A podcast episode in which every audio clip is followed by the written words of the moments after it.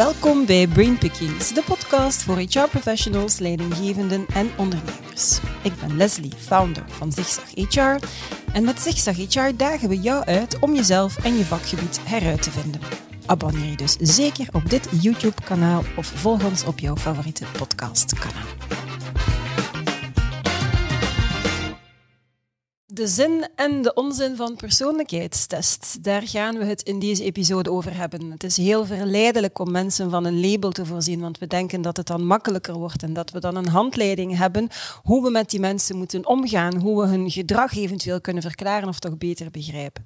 De waarheid is natuurlijk dat je mensen niet zomaar kan vatten in vier kleuren of in zestien types en dat persoonlijkheidseigenschappen, net zoals lichaamslengte en gewicht, normaal verdeeld zijn. Net zoals de meerderheid van de mensen niet uitgesproken groot of dik is, zijn mensen ook niet uitgesproken extravert of introvert. En een van de grootste problemen met heel wat persoonlijkheidstests is dat er weinig of geen nuance is. En toch worden tal van persoonlijkheidstests al jaren door HR-professionals gebruikt. Wel, ik kruip daarom in het hoofd van twee proffen, Bart Wille en um, Philippe de Fruit van de Universiteit Gent. Wat is persoonlijkheid eigenlijk en hoe meet en test je dat? Is het überhaupt zinvol om dat te testen? En welke tests brengen dan op een betrouwbare manier persoonlijkheid in kaart? Dat gaan we vandaag ontdekken. Dag uh, heren, proffen. Het is een beetje intimiderend als jullie zo recht tegenover mij zitten, als ik me dat nu zo uh, bedenk. Alles goed met jullie? Perfect. Zeker Perfect. Welkom op onze podcastshow voor de HR-professionals. Ik ben uh, heel eager om in jullie hoofd te kruipen, dus heel benieuwd wat er allemaal te stelen valt. Um, ja, mijn introductie was natuurlijk een verwijzing hè, naar uh, Insights Kleur en MBTI. Um, waarom mogen we die tests niet inzetten in HR? En hoe komt het dat dit dan vaak nog altijd gebeurt? Open vraag aan jullie beiden. Wie bijt de spits af? Bart? Wel, het is een vraag die we heel vaak krijgen natuurlijk. En mm -hmm. Ik denk, ik zou me niet zo graag focussen op één of twee instrumenten die nee. je hieruit pikt. Het is inderdaad. Het, het is een soort. Mm -hmm. Het is een groep van instrumenten die heel vaak genoemd wordt, die ook heel vaak gebruikt wordt, die denk ik een aantal kenmerken met elkaar gemeen hebben. Um, en ja, wetenschappelijk besteden wij heel veel aandacht aan saaie concepten zoals betrouwbaarheid en validiteit. En wanneer die vraag komt, is mijn antwoord ook altijd, uh, of gaat mijn antwoord in die richting van betrouwbaarheid en validiteit. En ik denk, ja, hier um, is dat ook iets wat we moeten overwegen. En vaak geef ik het voorbeeld nu, wanneer ik straks een COVID-test laat afnemen, ja, dan wil ik ook dat die betrouwbaar is, die uitslag. Ja. Daar mm -hmm. gaan belangrijke consequenties aan vast. En eigenlijk, denk ik, moeten we voor persoonlijkheidstesten of andere testen ja, dezelfde vereisten hanteren, dezelfde mm -hmm. kwaliteitsvereisten hanteren, omdat de uitslag daarvan ook voor heel wat mensen ja, bijzonder grote, bijzonder zware complicaties ja. of, of, gevolgen kan hebben. Ja. ja. Um, dus ja, het gaat over betrouwbaarheid, validiteit en straks kunnen we daar uh, misschien nog dieper op ingaan. Mm -hmm. um, maar daar is waar dat is wat wetenschappelijk gezien voor ons ja, belangrijke criteria zijn. Ja, ja, ja, en inderdaad een mooie beeldspraak. Ik denk dat iedereen direct begrijpt wat, dat je, wat dat je daarmee uh, bedoelt. Heb jij nog aanvullingen daarbij, Filip, of zegt je, ik had het niet beter zelf kunnen verwoorden? Oh, ik denk het is goed geformuleerd. Hè. Um, er zijn natuurlijk, um, een tweede deel van uw vraag is van waarom gaan mensen daar naartoe, waarom gebruiken mensen dat? En ik denk het HR-terrein is natuurlijk een terrein waar uh, mensen van diverse pluimage en achtergronden in werken. Mm -hmm. Wij zijn nu zelf uh, beiden psychologen.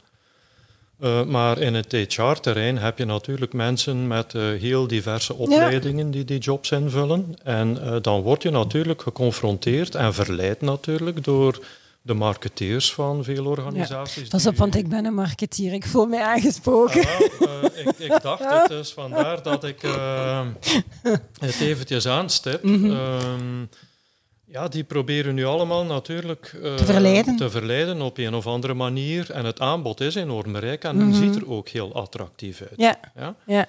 Um, nu, aan de andere kant, ik denk ook dat is tegelijkertijd de rijkdom ook van HR. Hè? Uh, die verschillende profielen je, van mensen voilà, bedoel dat je? Dat je daar mensen ja. hebt die zeer verschillende achtergronden mm -hmm. hebt, uh, die, die dikwijls inhoudelijke kennis van een sector hebben. Uh, wij kennen nu iets van, van de meettechnische kant. Mm -hmm.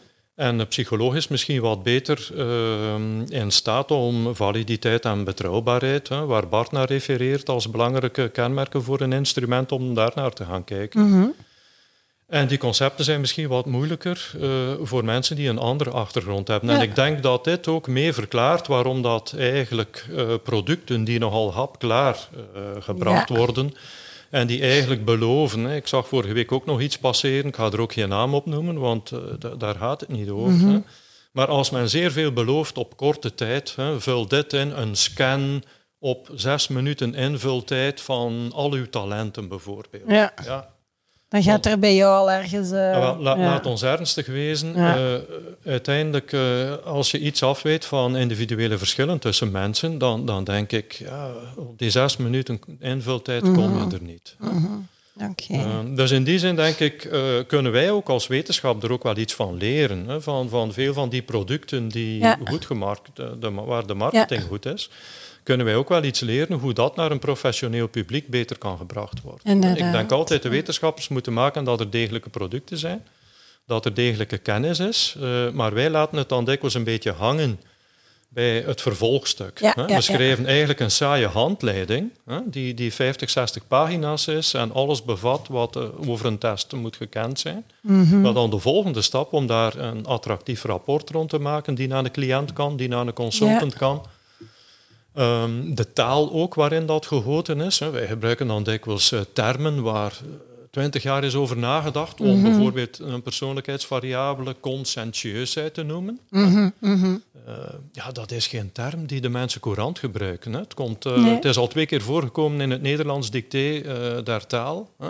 Mhm. Om je maar te illustreren dat dat een heel weinig uh, courant gebruikt woord, Wordt is. Ja. Terwijl als je iets maakt voor een groot publiek en voor een professioneel publiek, dan denk ik moeten we ook wat, misschien wat meer moeite doen om Ja. de vertaalslag beter te maken. Klopt. Ik denk dat dat een stukje is wat dat Elisabeth Klaus en ik zelf in ons boek ehm, hebben gedaan, omdat wij zeiden dat ik was al, al, al met een kwinkslag van, zij schrijft in voetnoten, een academicus, en ik in proza. Voilà. En het was inderdaad de combinatie van haar jarenlange inzichten op een, zij noemt dat dan vulgaire manier, aan de man te brengen. Dus de marketeer en de onderzoeker hebben geprobeerd om een boek in de markt te zetten en dat heeft effectief eh, ja, gewerkt. Dus ik hoor jou inderdaad zeggen van die, die, de twee domeinen die wel een stukje complementair kunnen zijn. Oké. Ehm, Persoonlijkheidstesting betekent eigenlijk letterlijk hè, het in kaart brengen van iemands persoonlijkheid. Ja, dan lijkt het mij wel zinvol om eerst dat begrip persoonlijkheid af te bakenen. Mhm. Oké. Het is een ja. eh, hele brede term natuurlijk. En eh, we kunnen daar denk ik ook een podcast over vullen, over, die vraag. Ja. Om het simpel te proberen uitdrukken, voor, voor mij gaat persoonlijkheid over verschillen tussen mensen. Mhm. Verschillen in hoe we doorgaans zijn, hoe we doorgaans eh, denken, wat we doorgaans voelen, hoe we ons doorgaans gedragen. Ehm, en daarnaast heeft, hebben die verschillen ook een hele grote impact op wat we doen. Mhm. De keuzes die we maken, hoe we functioneren op het werk, maar ook daarbuiten. Ehm, dus het gaat over verschillen tussen mensen die we proberen beschrijven. En die verschillen zorgen er ook voor dat we voor een stukje consistent zijn, dat we voor een stukje voorspelbaar worden. Ja. Als ik vandaag hier nu misschien een klein beetje zenuwachtig ben voor de podcast, heeft dat voor een stukje te maken met mijn persoonlijkheid. En dat kan ervoor zorgen, of dat, dat zal ervoor zorgen, dat ik de volgende keer waarschijnlijk ook opnieuw die spanning, die spanning zal voelen Mhm. wanneer ik iets gelijkaardigs zal moeten doen. Ja. Dus het gaat over verschillen tussen mensen, ehm, maar die ook ons gedrag voorspelbaar maken en consistent maken in vergelijkbare situaties. Ja, het viel mij ook op hoe vaak dat je het woord doorgaans hebt gebruikt. Dus dat bewust of was het belang van, van dat woord? Ja, omdat we natuurlijk. ehm, er komen op elk moment ook nieuwe situaties op Mhm. ons af die vragen dat we reageren. Mhm. En doorgaans gaan Mhm. we op een consistente manier daarmee om proberen gaan, maar soms is de situatie zodanig sterk, iets, iets waar we absoluut iets moeten mee doen, dat we onze persoonlijkheid bijvoorbeeld minder eh, een rol kunnen laten spelen. Ja. Ehm, dus ja, persoonlijkheidspsychologen denken vaak eh, in termen van gemiddeldes, hoe mensen gemiddeld zijn, hoe mensen Ja. doorgaans zijn, door de band genomen zijn.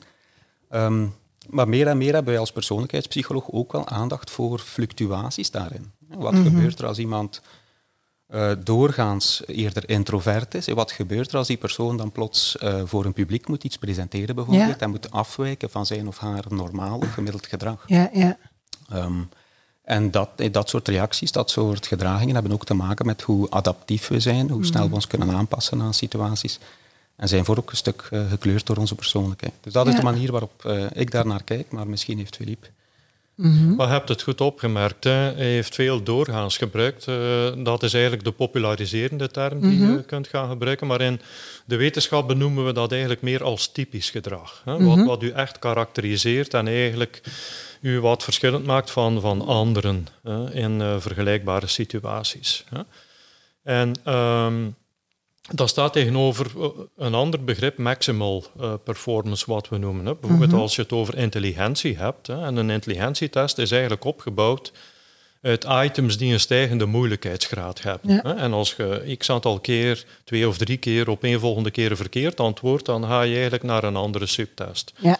Dus in een intelligentietest ga je eigenlijk iemands maximale capaciteit om bepaalde problemen op te lossen, ga je die proberen eigenlijk gaan testen. Mhm. Terwijl in persoonlijkheid ga je eigenlijk uh, het typisch gedrag, hè, wat Bart uh, benoemt als doorgaans, hoe je je doorgaans mhm. gaat gedragen. Je kunt het een beetje vergelijken met Um, ik heb dat voorbeeld al in verschillende interviews gebruikt. Hè.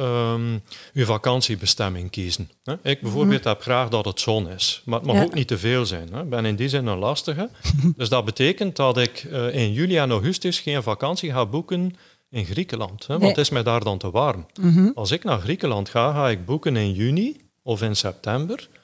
Hè. Um, ik steun mij op het typisch weer. Mm bestudeerd het klimaat en, en de weerkaarten en de gegevens, hè, wat, wat het weer is in die maand. En dan heb je natuurlijk veel meer kans. Hè. Bart heeft ook al verwezen naar het predictief element, waarom we persoonlijkheidsinstrumenten gaan gebruiken, onder andere in selectie. Hè. We willen niets voorspellen over mhm. iemand. Mhm. En dus je kunt dat gaan gebruiken eigenlijk om een beetje het weer te kiezen wat je uh, graag hebt. Ja, ja, ja. Uh, nu, dat kan best zijn. Het is mij ook al overkomen dat je in Athene op de luchthaven arriveert en dat het een enorme kletsbui doet in juni. maar dat het een hele week regent, dat is mij nog niet overkomen. Het is meestal de temperatuur die ik wil. Mm uh, en af en toe, Bart heeft ook gezegd, er zit ook fluctuatie op. We zijn geïnteresseerd in gemiddelden. Mhm. En vroeger waren we in de persoonlijkheidspsychologie eigenlijk alleen geïnteresseerd in, het typische en in het gemiddelde. Ja. En dat is nu iets nieuws dat erbij komt. Vroeger dachten we altijd, de fluctuatie, dat is error. Daar moeten we niet naar kijken. We moeten eigenlijk proberen om naar het typisch gedragspatroon van mensen te kijken. Maar door het feit dat we nu veel meer aandacht hebben voor de persoon in de situatie, mm Bart zijn voorbeeld is schitterend om op door te gaan. Deze situatie hier, dat kan voor de ene een beetje stress veroorzaken, uh, voor iemand anders helemaal niet.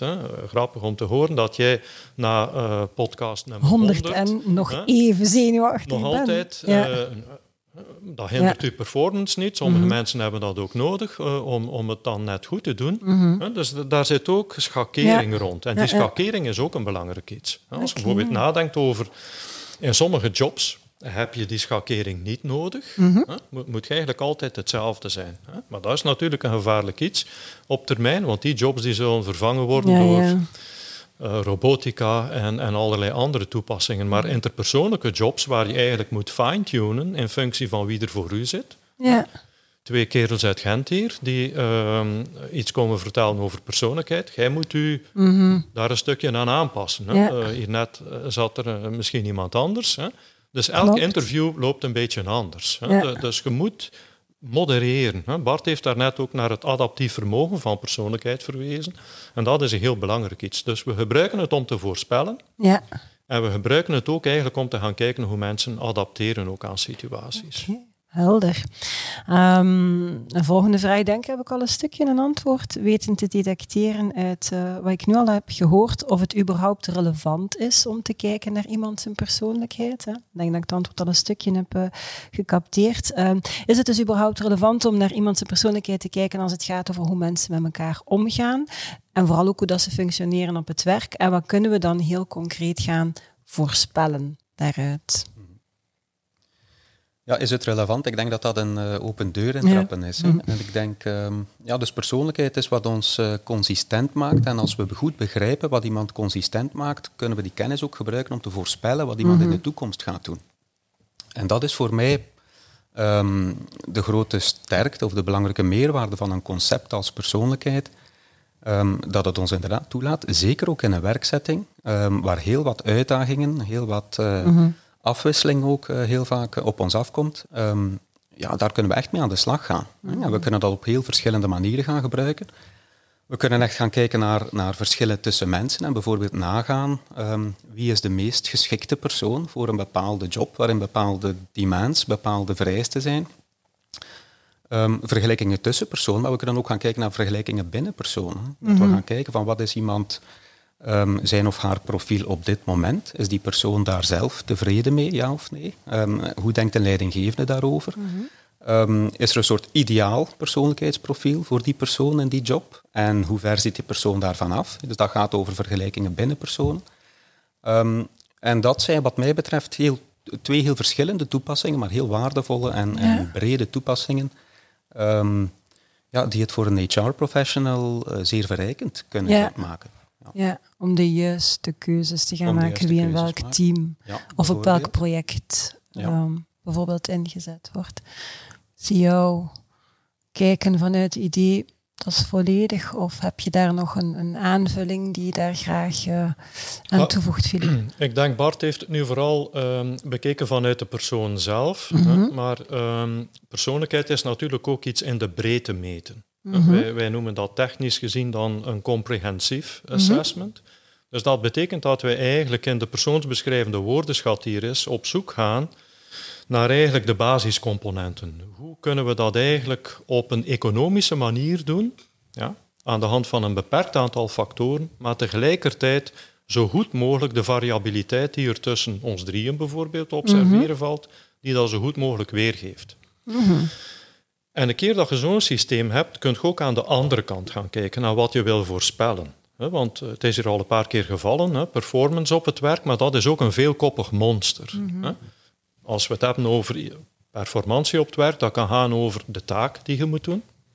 Daarnet gaf je zelf aan, het gaat ook over wat wij dan een soort contextual performance noemen, omgaan mhm. met de mensen op je werk, omgang in een team. Dat is nog iets anders dan mhm. alleen de taak. Je hebt de omgang met het team. Daarnaast kijken wij ook naar uh, adaptive performance, dat mhm. is eigenlijk uw leervermogen. We hebben hier allerlei ontwikkelingen in de toekomst, de VUCA World, uh, mensen die zeggen ja, eh, levenslang leren. Hè, dus we kijken ook naar leervermogen van mensen. Mhm. Dat zijn allemaal dingen die we willen. Maar daarnaast zijn er ook een aantal dingen die we niet willen zien op de werkvloer. Ja. Dat is een, een ander uh, van mijn dada's waar ik de afgelopen jaren tamelijk in geïnvesteerd heb, met name dysfunctioneel gedrag op, ja. op de werkvloer of derailment. Mhm. En als je naar die drie kijkt, hè, task performance, contextual performance, adaptive performance, en dan ook aan wat we niet willen zien, hè, dysfunctioneel mhm. gedrag, dan doet persoonlijkheid het eigenlijk zeer goed in de voorspelling daarvan. Okay. Ja. Dus dat is vanuit een organisatieoogpunt bekeken een heel belangrijk iets. Mhm. Om nog iets aan te vullen op wat Bart zei naar het individu toe, dan denk ik dat een individu eigenlijk zijn of haar persoonlijkheid en de facetten in zijn of haar persoonlijkheid ook moet leren kennen. Ja. Voor een leidinggevende is dat heel belangrijk en het soort modellen wat wij maken, die helpt u daarbij. Mhm. Die helpt u eigenlijk kijken naar uzelf en tegelijkertijd ook uw medewerkers. Als het een model is die je kunt gaan gebruiken om naar uzelf te kijken, kunt je dat ook gaan gebruiken om naar het gedrag van anderen te kijken. En op die manier eigenlijk mensen beter te kunnen aansturen, beter met hen te kunnen interageren. Ja, en beter te kunnen samenwerken. En je ziet dat vanuit de ontwikkelingspsychologie. Hè. Een jong kind moet eigenlijk in eerste instantie, jonge kinderen, als die naar elkaar kijken, die kijken in termen van fysieke eigenschappen. Jan kan vlugger lopen dan Piet. Dat is iets fysiek. Maar gelijk... Te, Geleidelijk leren kinderen meer persoonsbeschrijvende woorden gaan gebruiken. En je ziet dat als je naar, naar bijvoorbeeld uh, tekenfilmpjes kijkt of naar de smurfen. Elke smurf die staat gelijk eigenlijk met één eigenschap. Dat klopt. Ja? Ja. En wat mensen eigenlijk moeten leren en wat kinderen gaandeweg leren in hun ontwikkeling, is dat eigenlijk iedereen een hele pak eigenschappen heeft. Mhm. Als je naar kabouter Plop kijkt en naar kabouter Lui, de naam Lui refereert al naar een persoonlijkheidseigenschap, maar mhm. eigenlijk weten we in heel die beschrijving niet veel meer over die persoon. die is gewoon lui. Mhm. Eh, maar kinderen moeten leren dat al die eigenschappen van toepassing zijn op henzelf en op anderen. En dat is eigenlijk ook wat mensen op termijn moeten leren. Hè. Daar een identiteit, een soort professionele, maar ook een persoonlijke identiteit leren rondvormen. Rond eigenlijk heel dat samenspel van uh, persoonlijkheidseigenschappen. Ja. Ja, ik, ik, vind dat hele goede voorbeelden, ook omdat ze illustreren wat de gevoeligheid uh, van iets als persoonlijkheid kan zijn. Ja. En dan kom ik even terug op die eerste vraag. Wat met instrumenten die misschien beter niet of minder zouden Mhm. worden gebruikt? Ja. Um, ik ken zelf ook mensen die ooit getest uh, geweest zijn, hè, die, Mhm. wiens persoonlijkheid in kaart is gebracht op een minder correcte manier. En die dragen die labels ook heel lang Mee. met zich mee. Ja. Mensen maken daar inderdaad een deel van hun identiteit rond. Mhm. En dat is voor mij uh, persoonlijk ook waarom ik het belangrijk vind om op die nagel van betrouwbaarheid en validiteit te kloppen, omdat dat niet zoiets is. Persoonlijkheidsassessment is geen spelletje wat je met Nee, mensen speelt. nee. Mensen. Ehm, leggen daar vaak een ziel bloot en gebruiken die informatie om zelf mee aan de slag te gaan. Dat is ook wat we willen als we zo'n Ja, ja. assessment doen. Hè. Leer jezelf kennen en ga daarmee aan de slag. Ja. En als je ze een beeld geeft dat eigenlijk niet accuraat is, ja, eh, daar eh, kunnen we wel Daar problemen kunnen mensen zich zelfs gewoon compleet aan verbranden, Ja. lijkt mij. Als je, ja, ja, absoluut. ehm, waardevolle toevoeging. Ehm, dus we weten wat persoonlijkheid is. We weten dat het zinvol en relevant is om dat te gaan hè, testen, omdat eigenschappen van mensen brede waaier en uitkomsten kunnen voorspellen op het werk. Ik wil het ook graag hebben dan over het hoe en de tools en dan hè, de instrumenten die we dan best kunnen eh, inzetten. Eh, het Big Five persoonlijkheidsmodel is op vandaag, dacht ik, gelezen te hebben uit een van jullie ehm, documenten die jullie met de voorbereiding hebben toegestuurd, zou op vandaag de meest betrouwbare omschrijving zijn. Waarom? Kan je dat wat toelichten? Ik denk dat het eerst relevant is om het onderscheid te maken tussen een theorie of een model. Ja, Mhm. Het Big Five-model is de dag van vandaag eh, nog altijd wetenschappelijk het meest gehanteerde, Mhm. het meest gevalideerde model. Ehm, maar daarnaast heb je natuurlijk de instrumenten zelf. Mhm, Het is niet omdat je bijvoorbeeld een instrument maakt dat gebaseerd zou zijn op het model, dat het, Dat het instrument een goed is. instrument ja, ja, ja. Dus Mhm. ik vind dat altijd wel relevant om, om het verschil tussen die ja, twee, het concept absoluut. en het instrument, om dat heel duidelijk eh, te hebben. Filip? Ja, wel, ik denk de Big Five is een, eh, een goed onderbouwd model. Maar Mhm. eh, goed, ik, ik ben ook niet getrouwd met dat model. Hè. Ik wil Mhm. dat toch altijd eh, beklemtonen. Je moet altijd goed nadenken over twee dingen. Je moet nadenken omtrent de constructen waar Mhm. je in geïnteresseerd bent. Ehm, en eh, ook de toepassing. Hoe wil je zo'n persoonlijkheidsvraaglijst eigenlijk gaan gebruiken? Hè? Mhm. Een persoonlijkheidsvraaglijst biedt u één stukje informatie. Als er één ding is die ik in 30 jaar academische psychologie en 30 jaar assessment heb geleerd, is dat we in de psychologie eigenlijk allemaal kleine stukjes validiteit oppikken Ja. om een betere voorspelling te Ja. maken. hè. En, en het zijn kleine stukjes, hè, maar interessante stukjes. En het is een kwestie van veel van die kleine stukjes samen te pakken. Mhm. We noemen dat technisch triangulatie. Steunt u eigenlijk op meerdere indicatoren. Mhm. Bijvoorbeeld in een selectie of in, in een eh, ontwikkeloefening hè, ga je een gesprek aan met iemand. Maar daarnaast ga je ook een stuk assessment doen, een assessment oefening. Misschien een situational judgment test. Zeker daar ook een persoonlijkheidstest in, misschien zelfs twee. Ja? Eventueel een Big Five instrument, omdat dat zeer comprehensief iemand beschrijft. Maar afhankelijk van het soort job waarvoor iemand appliqueert of het soort probleem waarmee iemand worstelt, is dat nu, ja, hij of zij kan niet delegeren. En, en die persoon wordt dan naar u gestuurd en dan wordt er gezegd, HR, doe daar iets mee. Los dat op. Los dat op, we zijn er tevreden van, maar ehm, Ja. Mocht, dat, eh, mocht er daar nog een beetje speelruimte zijn en mochten Ja, we dat ja. wat kunnen bijspijkeren, Mhm. go. In functie van de vraagstelling en in functie van het probleem eh, moet, moet je soepel kiezen. En Ja, moet je ja. instrumentarium kiezen die, die u meer zicht daarop biedt. Mhm. Dus die Big Five is denk ik eh, een soort omnibus, Mhm. eh, een soort model die je goed kunt gaan gebruiken. Maar Mhm. ja, je moet daar ook niet te slaaf van zijn van die modellen. Nee, een model staat eigenlijk altijd ten dienste van een vraagstelling. Ja? En, en eh, je hebt verschillende manieren om die Big Five te gaan operationaliseren. En nog andere mensen zeggen, ja, het Hexaco-model is veel beter. Het Hexaco-model is het Big Five-model met één factor erbij.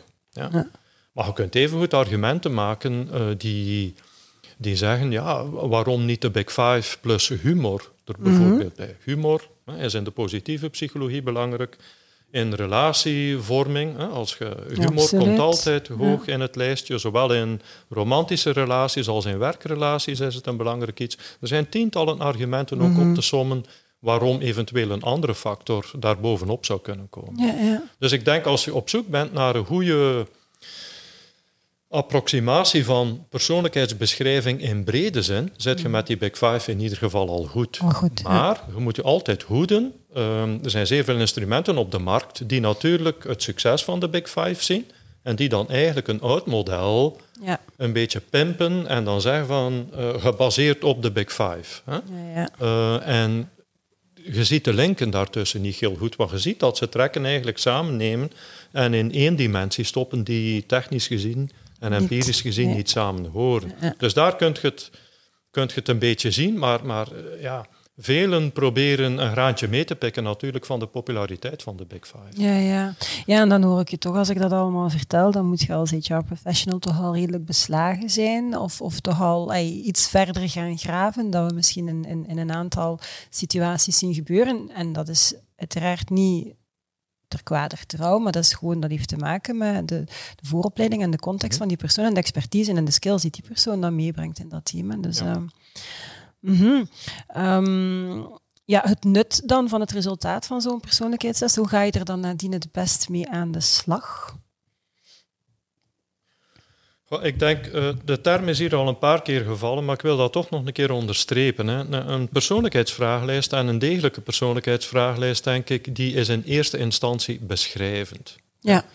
En ik heb tientallen trainingen gegeven omtrent persoonlijkheidsonderzoek aan professionals en onmiddellijk komt die vraag er dan iedere keer uit van als die persoon dan zo wordt beschreven of mensen vullen het zelf in, uh, gaat men eigenlijk onmiddellijk gaan graven. Doe ik, handel ik daarom zo of dit of dat? Hè? Mhm. Iedereen zoekt onmiddellijk naar verklarende gronden uh, daarvoor. Nee, zo'n persoonlijkheidsvragenlijst, wat, wat dit primair doet, is beschrijven. Ja. Je kijkt naar typische patronen om eigenlijk andere typische patronen te proberen voorspellen. voorspellen. Ja. Dat is eigenlijk de kern uh, van de zaak. Hè. Mm -hmm. Dus als je persoonlijkheidsonderzoek ergens inzet hè, uh, voor de organisatie, die is geïnteresseerd om typisch goede performers te hebben. Mm -hmm. ja. Mm -hmm. Niet iemand die een keer een piekmoment oké okay is, maar iemand die typisch het average, waar Bart naar verwees, ja. hè, een goede gemiddelde doorgaans, prestatie, ja. doorgaans een goede gemiddelde prestatie neerzet. Wat het voor het individu kan betekenen, is natuurlijk dat het u ja, het geeft u een comprehensieve beschrijving en ook een taal hè, om, om dat in te gaan gebruiken.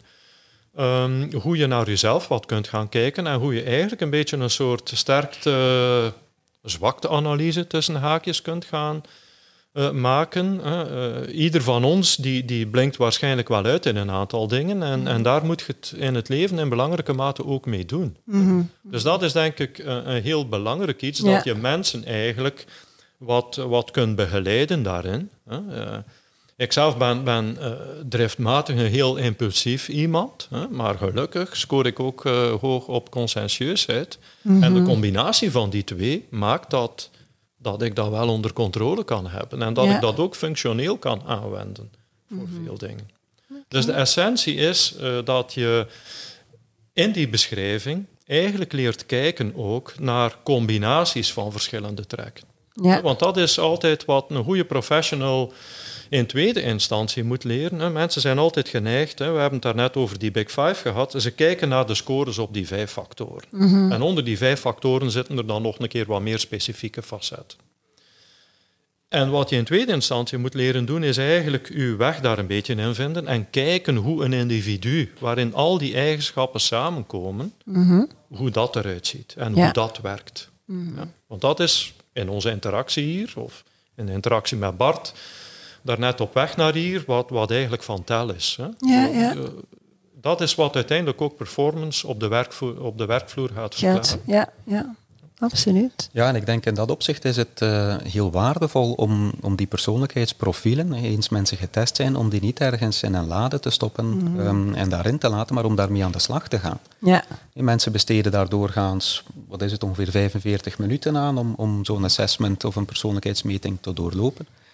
Wat informatie die daaruit komt, denk ik, kan jaren bruikbaar zijn. In het kader van ontwikkeling, in het kader mm -hmm. van um, het vormgeven van een job. We hebben het al, of we kunnen het nog hebben straks misschien over jobcrafting. Dat is ook mhm. iets waar mensen mm hun persoonlijkheid voor een stukje in een werksituatie kunnen leiden en mee aan de slag kunnen gaan. Ja. Zonder dat ze meteen moeten proberen om zichzelf te veranderen, want dat is heel moeilijk. Ehm, maar ze kunnen wel proberen om aspecten, kleine aspecten van die job waarin ze functioneren, om die te gaan veranderen. En dat is mhm. ook iets, denk ik, waar, waar een persoonlijkheidsrapport of een persoonlijkheidsprofiel heel waardevol kan zijn. en echt een werkinstrument kan zijn. Ja, want dat is inderdaad een werkinstrument. Ik herinner mezelf een aantal situaties waar er dan ook een labeltje op mij gekleefd werd en dat er dan in vergaderingen letterlijk werd gezegd van ah, ze is daar weer en dan kreeg ik die rol en ik werd beperkt tot die rol. En ik weet dat ik daar heel opstandig ook op gereageerd heb, omdat ik voelde van dit is niet wie ik ben. Nee, en persoonlijkheid is iets letterlijk heel persoonlijk en heel gevoelig. En ik denk, in, als we het hebben over hoe moeten we daarmee omgaan met een meting, ja, in de eerste instantie moet dat op een gevoelige manier ook gebeuren. Mm Mensen in een waarde laten en dan in een één-op-één gesprek uh, daar rond aan de slag gaan. Hè. Eerder dan het onmiddellijk publiek te maken. Vind Inderdaad. Ik, dat vind ik toch een heel belangrijk... Uh, maar het is ook een uh, dynamisch construct. Hè? Mhm. En ik denk ook um, een beetje aan de eindgebruikerskant, aan de organisatiekant, denken mensen veel te veel in termen van profielen. Hè? Men maakt dan de klassieke functieanalyses op, waar men eigenlijk het allemaal op flessen gaat trekken en men eigenlijk op zoek gaat naar profielen. Hè? Maar we weten ondertussen allemaal wat de moeilijkheid en wat de beperkingen van veel van die profielen zijn. Wat is het profiel bijvoorbeeld van de voetbaltrainer? Ik mhm. was een paar jaar geleden bij Agent en uh, men stelde mij daar ook de vraag van wat is het profiel van een voetbaltrainer? En op dat moment ging het heel goed met de club. Uh, dus ik, uh, ik refereerde en ik zei, ja, jullie hebben daar nu wel een idee van wat het zou kunnen zijn. Mm maar ja, als het een jaar nadien misschien minder goed met de club gaat, dan uh, vliegt de trainer buiten of wordt hij aan de deur gezet en heeft men plots een ander idee. Ja. Organisaties zijn dynamisch, uitdagingen zijn anders, uitdagingen zijn dynamisch. Dus het idee van die profielen is, is eigenlijk iets waar, waar onmiddellijk moet tegenin gegaan worden. Mhm, mhm. Echt op zoek gaan naar één profiel uh, binnen organisaties, dat, dat is denk ik, uh, dat, gaat, dat staat haaks eigenlijk op wat persoonlijkheid is. Je moet natuurlijk in een organisatie moet je kijken naar voldoende common core. Ja, ja. Daar moet je in eerste instantie naar kijken. Maar daarbovenop, denk ik, is er zoveel ruimte op mhm. allerlei trekken. Ehm, voor diversiteit, voor heterogeniteit. En dat mhm. zal uw organisatie ook veel wendbaarder maken. En Bart heeft eh, helemaal in het begin adaptiviteit uitgesproken. Hè. Dat zal uw organisatie ook meer adaptief maken naar de mhm. toekomst toe.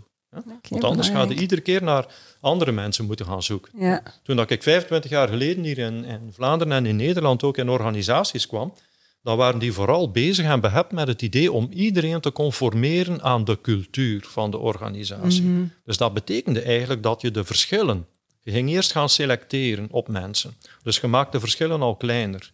En dan ga je iedereen proberen aan die cultuur conformeren. Dus je maakt mhm.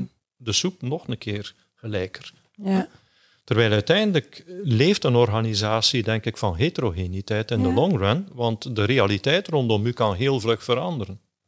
Absoluut. Ik denk dat dat een heel interessant uh, debat kan opleveren als we het hebben over cultuur met heel wat HR-professionals. Uh, een boeiend, uh, boeiend inzicht. Ik wil misschien nog um, als, als voorlaatste vraag ook uh, eens, polsen. Hoe stabiel hè, is die persoonlijkheid eigenlijk? Ik hoorde net, mensen veranderen niet zo vlug.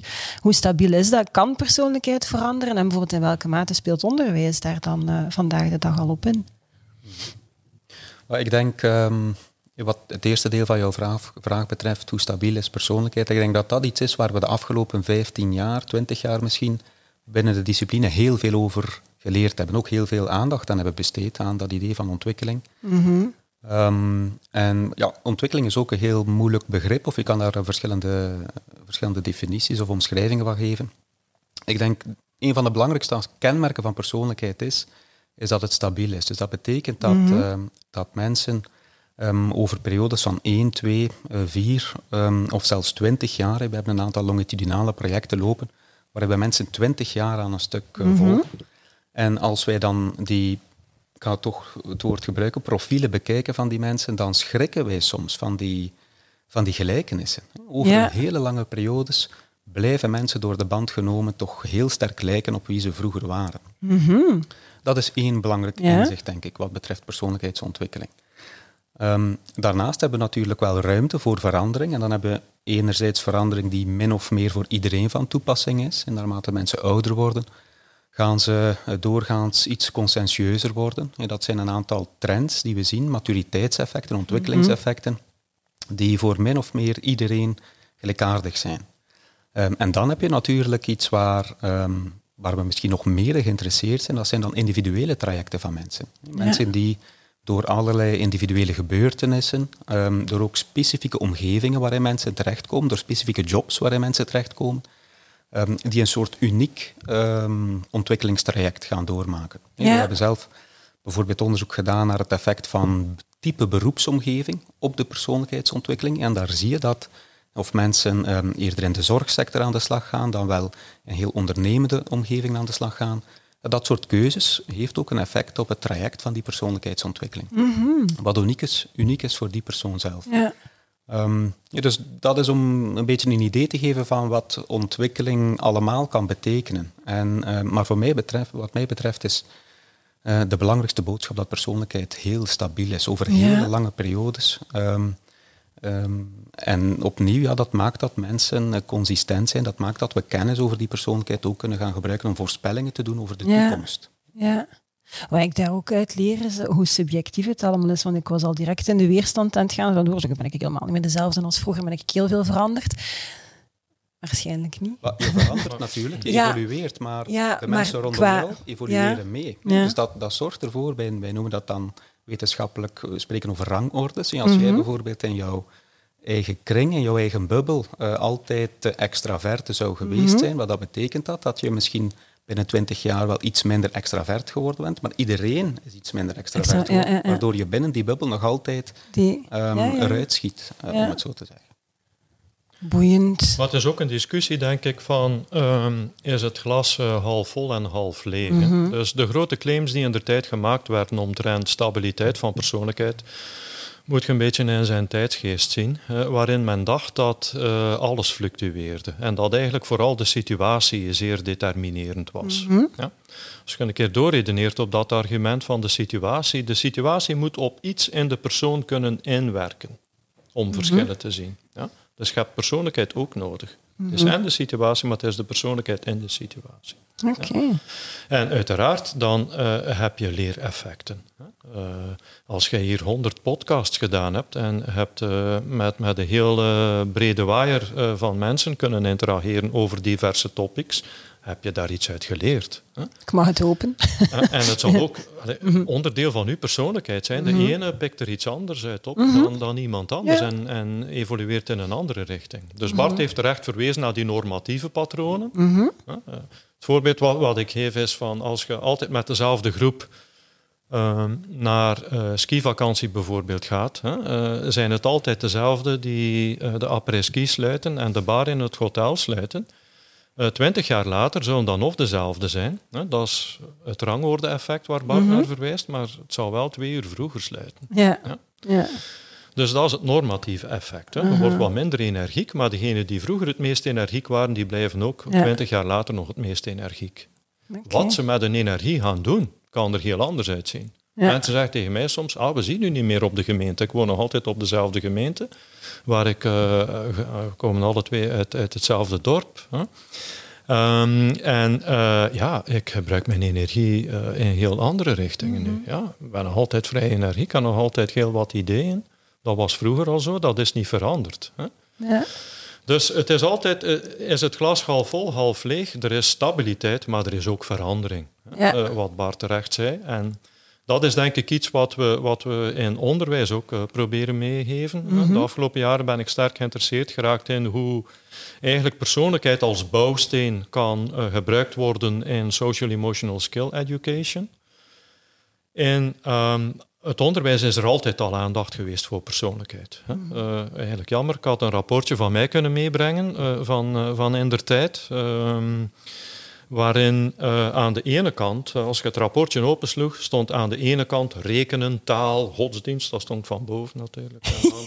uh, rekenen, moedertaal en, en uh, -huh. een paar van de wetenschappen. Ja. En dan het andere blaadje was interessant, want daar stonden eigenlijk een paar karaktertermen. Inderdaad. En je moet daar zelf maar een keer naar kijken. Ja. We zijn een beetje van dezelfde generatie.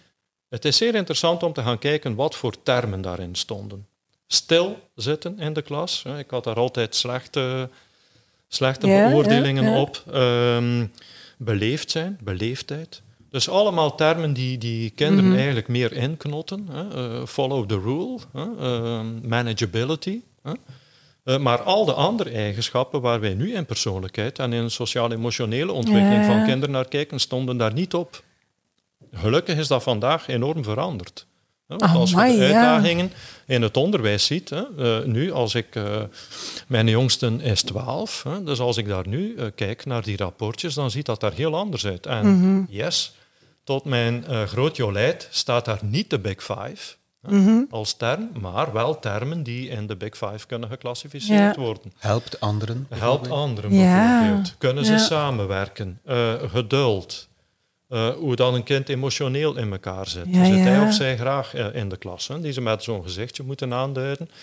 Dus dat is eigenlijk al een vorm van persoonlijkheidsmeting waar, waar iets kan mee gebeuren. Dus in onderwijs wordt daar gelukkig vandaag de dag Ja, ja. aandacht aan besteed. Dus persoonlijkheid is een belangrijk stuk in heel die identiteitsvorming. Hè. Zoals ik daarnet aangaf, kinderen moeten dat leren, hè, bij Mhm. zichzelf, onder elkaar. Hè, en, en moeten dat dan als adolescent worden in een identiteit leren uitwerken. Ja. En later op de arbeidsmarkt noemt men dat nu eh, social emotional skills, die, die mensen in lifelong learning eh, gaan moeten leren.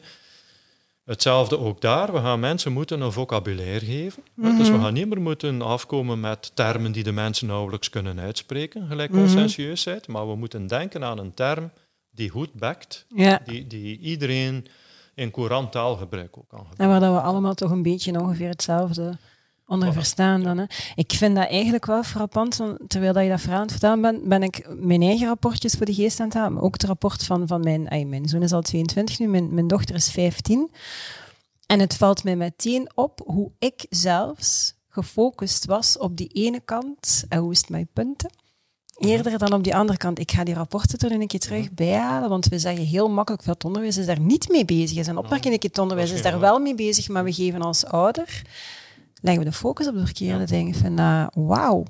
Ja, amai, een straf dat ik zelf in die valkuil getrapt ben, want ik beweer tegen iedereen dat dat niet het geval is. Maar kijk, om af te ronden, ehm, in de mate dat dat mogelijk is, al jullie expertise en al jullie jaren onderzoek en, en veelheid van wat jullie allemaal weten en geleerd hebben en onderzocht hebben en beschreven hebben, als je dan niet in vijf concrete tips zou moeten proberen bundelen naar HR-professionals als het gaat over persoonlijkheid en persoonlijkheidstests, wat zijn de dingen die jullie tot slot nog graag willen meegeven aan mensen die luisteren of kijken? Allee, Bart. Alle Oké, informatie is- Ik gebundeld. ga ze zeker niet alle vijf eh, aframmelen, maar ik zal misschien beginnen met eentje. Eh, en Filip, jij kan dan eh, aanvullen. Ja, dank je.